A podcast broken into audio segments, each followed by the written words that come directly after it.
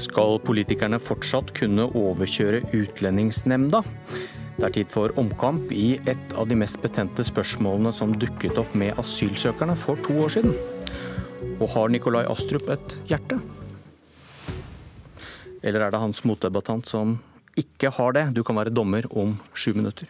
Men først i Politisk kvarter. Når asylsøkere får beskjed om at de ikke får opphold i Norge, kan de anke. Bør da Utlendingsnemnda, som er domstolen i slike saker, få dømme uten politisk innblanding?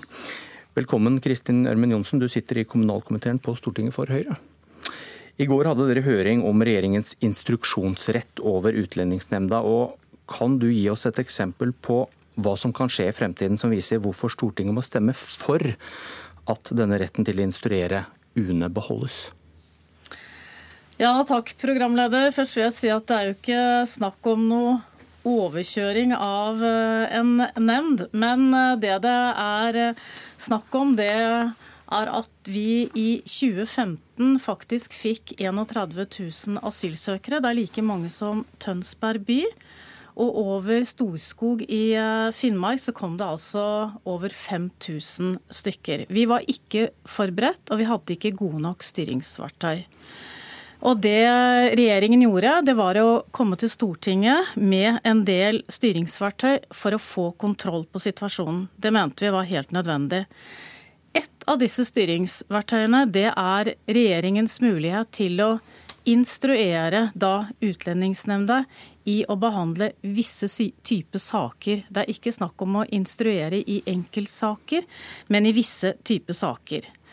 Vi mener at eh, denne instruksjonsmyndigheten må videreføres, fordi at det er fortsatt en veldig stor usikkerhet i eh, landene rundt Europa hvordan asylstrømningen vil bli i fremtiden. Vi må være forberedt på at tallene øker. Det er krig og uroligheter, og da må vi ha en mulighet til å handle raskt. Til å kunne si nei til eh, visse grupper, at de, disse skal ikke få opphold, og da kan ikke UNE overprøve det?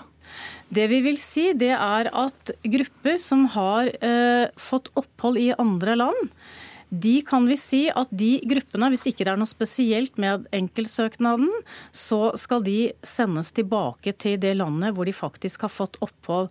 Og det er da også UNE, altså Utlendingsnemnda, som vurderer om landet er trygt eller ikke. Og det er ikke slik at vi skal nå eller frem, i fremtiden sende tilbake asylsøkere til land som ikke er trygge. Men det er jo også sånn da at vi regulerer jo også Utlendingsnemnda i lover og forskrifter. Det har jo da Karin Andersen vært med på i sin regjering mange ganger og gjort eh, politiske vurderinger hva som er riktig, men en instruksjon det kan skje mye raskere. Et lovforslag det tar kanskje et år å behandle, og i en akutt situasjon, som Storskog var, så tenkte trengte vi rett og slett nye verktøy for å håndtere situasjonen. Karin Andersen, du sitter i kommunalkomiteen for SV. Gi oss et eksempel på hva som kan skje, som viser hvorfor Stortinget må snu i denne saken. Ja, Det er jo nettopp den situasjonen som oppsto i 2015. Da helt riktig som Ørmen Johnsen sier, at regjeringa ikke var forberedt. Eh, SV ba om å sette krisemøte i august, men regjeringen gjorde ingenting. De lot kaoset oppstå. Og de la fram en rekke hasteforslag etter hvert. Til og med Storskog måtte jo Stortinget be om at regjeringen gjorde noe med, før de gjorde noe. Eh, så regjeringen må altså eh, lage, foreslå lover, regler og forskrifter som må diskuteres på forhånd, slik at man er forberedt på slike saker. Og så er det viktig at man ikke instruerer nemnda, nettopp fordi det Kristin Hørmen Johnsen sier. Vi skal ikke sende noen tilbake dit det er, eh, der de kan være utsatt for forfølgelse eller tortur. Og da kan vi heller ikke sende noen tilbake til et land som sender de videre dit. Og da kan man ikke instruere nemnda, fordi nemnda skal nemlig være båndplanken i rettssystemet her og sikre at det ikke skjer. Så når man lar uh, nemnda bli en del av forvaltningen og overstyrt politisk, så risikerer man at den tøyinga av disse bestemmelsene som vi har sett at regjeringa holder på med, at den uh, går videre. Og at man i akutte situasjoner faktisk uh, instruerer slik at noen kan risikere å bli sendt tilbake igjen til dette. Det skjedde jo med noen av disse instruksene som ble gitt på Storskog, men det lot seg jo ikke gjennomføre eh, flere av dem. Ørmen Johnsen, brukes denne instruksjonsretten kun når det er krise? Uh, ja, det er det som er meningen. Det vanlige er jo lover og forskrifter. Og så vil jeg jo svare Karin Andersen nei. Man var ikke forberedt, fordi i åtte år så hadde jo også SV vært en del av regjeringen som ikke da hadde foreslått å gi eh, myndighet nettopp for en instruks. Og det måtte jo da den nye regjeringen, Fremskrittspartiet og Høyre, faktisk gjøre. Men det jeg ikke da forstår, hva er det faktisk SV vil gjøre. SV stemte imot alle innstramningsforslag som ble foreslått i 15 for å få kontroll over dette. Jeg har ikke sett at SV har Det hadde vært veldig fint da, å fått ett konkret forslag. Hva gjør man når det kommer 5000 eh, inn i eh, Finnmark. Hva ville da SV foreslått? For dere hadde jo ikke lagd til rette for at man skulle håndtere en slik situasjon. Nei, nå var det jo sånn at uh, flyktningkrisen oppsto, og den var uh, varslet, og det så alle som ville se. Og når ja, disse, når disse lovforslagene men, men, dette skjedde i, i 2015, Ørmen Johnsen, eh, og ikke i 2013, når vi det satt. Krigen så, startet før så, det, så det visste vi jo om. er det sånn at noen av de instruksene som ble gitt på Storskog, har jo slett ikke latt seg gjennomføre. Vi har også måttet hente tilbake igjen noen fra Russland. Det vi sa da, er at vi er nødt til å behandle disse søknadene sånn som vi behandler de andre. Og det har vist seg i ettertid at det måtte vi. Hvis ikke så bryter vi våre internasjonale forpliktelser. Og, et, eh, og det hører jeg at, regjer... så det, hører jeg at regjeringspartiene sier vi ikke skal. Og det er det vi mener vi ikke skal. Så er det altså mulig å legge fram lovforslag og, instruks, eller, og og, forskrifter, og få de behandla og debattert offentlig. Og Det er veldig viktig prinsipp at den, det klageorganet som skal behandle sakene helt til slutt, skal forholde seg til regler som det har vært offentlig debatt om, og som det har vært reist motforestillinger mot for å se om de holder. Det er det dette handler om. Ja, Men den offentlige debatten har vi nå. Den ba Stortinget om. Og jeg mener vi fikk faktisk kontroll over en helt uhåndterbar situasjon. Det kom altså 31 000 stykker i 2015.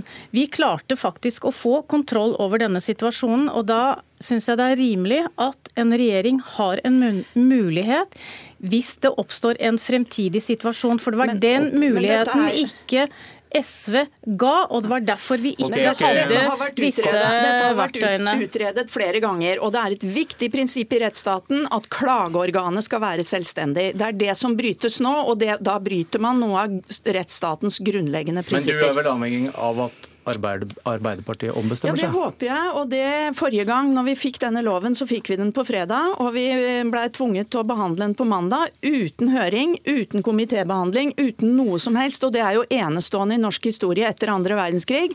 Nå har vi hatt en høring, og det er helt enstemmig fra de høringsinstansene som har uttalt seg, at dette bryter rettsstatens prinsipper, fordi klageorganet skal være uavhengig og nettopp ivareta båndplanken ja, i disse rettighetene. Er uavhengig i den forstand. Man instruerer ikke enkeltsaker. Man lager en instruks som gjør at man kan eh, handle raskere. Lover tar ett år, og da okay. har tiden gått. Da får vi se hva stortingsflertallet til slutt bestemmer seg for.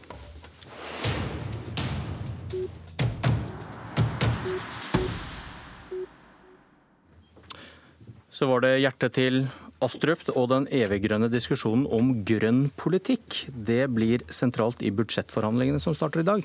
I det rommet slipper ikke du inn, Sunniva Holmås Eidsvoll fra SV, men du har noen sterke meninger om en som skal forhandle. Det vi trenger er mennesker med både hode og hjerter, skriver du i Dagsavisen. og det har ikke Høyres Nikolai Astrup når han vil selge sine klimaløsninger, eller? Ja, altså I forrige uke så skrev Nikolai Astrup en hel side i Dagsavisen om klimapolitikk. Men han nevnte ikke med ett eneste ord hvorfor det er så viktig at vi skal gjøre noe med klimaendringene. Han snakket bare om hvor viktig det er at vi skal kunne tjene penger på det. At det skal lønne seg for den enkelte å velge klimaløsninger. Eh, og han snakker som om folk er kalkulatorer som ikke bryr seg om å gjøre det som er riktig. Men for å lykkes med miljøpolitikken, så er det veldig viktig at vi får folk med oss på klimadugnaden. Og hva, hva mangler da i Astrup sitt resonnement? Nei, altså eh, Det som mangler, er at han ikke sier at vi må gjøre det vi kan så fort som mulig. Det han sier, er at folk og bedrifter de kan vente med å gjøre noe til det lønner seg for dem. Men det viktigste med klimaendringene er jo ikke at vi skal tjene mest mulig penger på det. Det viktigste er at vi gjør det vi kan for å stoppe det. Leder i finanskomiteen på Stortinget, Nikolai Astrup fra Høyre. Du, du glemmer å snakke til hodet og hjertet, er påstanden. Mitt poeng var at idealisme er bra, men idealisme alene eh, kommer ikke til å redde oss eh, fra klimaendringene. For å få til de store teknologiske skiftene så trenger vi rett nok idealister som er villige til å jobbe hardt for å finne nye løsninger, men vi trenger også markedskreftene. Og I det øyeblikket eh, det lønner seg å velge grønt, enten det er for bedrifter, for offentlig sektor, for privatpersoner, så starter en snøball å rulle som ikke lar seg stanse. Vi ser jo dette innenfor mange sektorer at det har utrolig mye å si at de produktene som kommer, de er bedre eh, og billigere enn de, eh, enn de, de erstatter. Hva, hva hadde skjedd hvis du hadde hørt på, på siden? Altså, jeg tror egentlig ikke Det er en litt konstruert problemstilling. Altså, jeg, jeg, mener også at idealisme er bra og viktig. Jeg mener også det er viktig med positiv klimakommunikasjon. Men du snakker ikke men om det, sier du? Jeg tenker at det er også Jo, jeg har jo skrevet mye om dette over mange år, så jeg har sagt mye om dette også. men jeg tenker at det er, det er viktig at vi eh, klarer å få frem nettopp de positive sidene, også på den økonomiske siden. Eh, jeg tenker For bedriftene som nå eh, står i startgropa, så handler det om at hvis ikke de henger med, så de, kommer de til å bli hengende etter. Så de har en egeninteresse i å Eh, i å gå foran på, på, på, dette området og bidra til å kutte utslipp, og dermed også bli mer konkurransedyktige. Og Et eksempel på det er norsk industri, som har kuttet utslippene med nesten 40% siden 1990. Det er en kjempesuksess. Og Grunnen til at de har gjort det, det er jo også for å redde seg selv. Fordi de ser at eh, de har alt å tjene på å kunne eh, produsere mer effektivt. Ja, altså Det er forsket en del på hva som er effektive klimabudskap. Eh, og det vi vet er at det er veldig, og ikke minst hva som er holdningene til folk i Norge og i andre land knytta til miljø. Og det vi vet er at det er veldig verdibasert. Vi vet at, at verdier som er knytta til fellesskap og vennskap og ansvar, det sammenfaller veldig med miljøengasjement. Men det som er interessant, er at når man spiller på holdninger knytta til eh, suksess og makt og personlig rikdom, så ser vi at det kan være hemmende på klimaengasjementet. Og det, jeg, jeg, tror at Nikolai Astrup vet veldig hva han gjør. Jeg, jeg tror at han eh, ønsker å, å, eh, å, kommunisere rundt eh, klima på en sånn måte at eh, at han vil bygge ned det idealistiske ved det, og sørge for at dette er noe som handler om næringslivet og at vi skal tjene penger. Det er i hvert fall sånn jeg leser den, det innlegget hans. Altså, jeg er opptatt av å løse utfordringen, og da er jeg opptatt av hva som virker. Og det som virker, det er å sørge for at eh, det å velge grønt, det er et bedre alternativ enn det å velge grått. Eh, og det tror jeg egentlig vi er enige om. Du skriver at hun har et slags i-landsperspektiv på dette? At det er hun som i konsekvens mangler ja, hjertelag og solidaritet? Hennes tidligere partileder Kristin Halvorsen sa en gang at vi må dusje, dusje kortere og ta på kofte. Det skulle liksom løse klimautfordringene. Litt karikert sagt. Eh, selvsagt mener hun at det er mye mer enn det som skal til, men det var det hun sa. Eh, og det er klart at Ja, det er vel og bra, alle bekker små osv., men det er jo ikke det som kommer til å eh, løse klimautfordringene globalt. Da trenger vi de store teknologiske skiftene, og da trenger vi næringslivet på laget. Og det som har skjedd i Norge de siste 20 årene, i hvert fall de siste 15, det er at miljøbevegelsen har etter hvert skjønt at næringslivet er ikke en motspiller, men en medspiller i løsningen på eh, klimautfordringene. Og så tenker jeg at Vi må være, ha positiv kommunikasjon. og Da er balansen mellom pisk og gulrot utrolig viktig. Og SV har jo for sånn, Jeg er også opptatt av å kommunisere hvor, mye, hvor vondt og vanskelig det skal bli å løse klimautfordringene. Og jeg er opptatt av at det kommer til å bli bedre for folk å løse klimautfordringene. Ja, Nå har vi en høst bak oss hvor vi har sett flom og styrtregn og, og katastrofer mange steder i Puerto Rico, i Houston, Texas og ikke minst i høstferien her hjemme i Agder. Det folk lurer på når de ser dette her, det er hva kan de gjøre, og hva vil politikerne gjøre? Da er det veldig trist at vi har politikere som sier det vi skal, det vi skal gjøre er å tjene penger på klimaendringene. Og ikke minst at vi har politikere i regjeringen som sier vi skal pumpe opp mer olje og knytte oss til EUs kvotesystem, og det er det viktigste. Ok, I dag starter budsjettforhandlingene, så får vi se om Venstre er mest enig med idealisten eller realisten. Dette var Politisk kvarter, og jeg heter Bjørn Myklebust.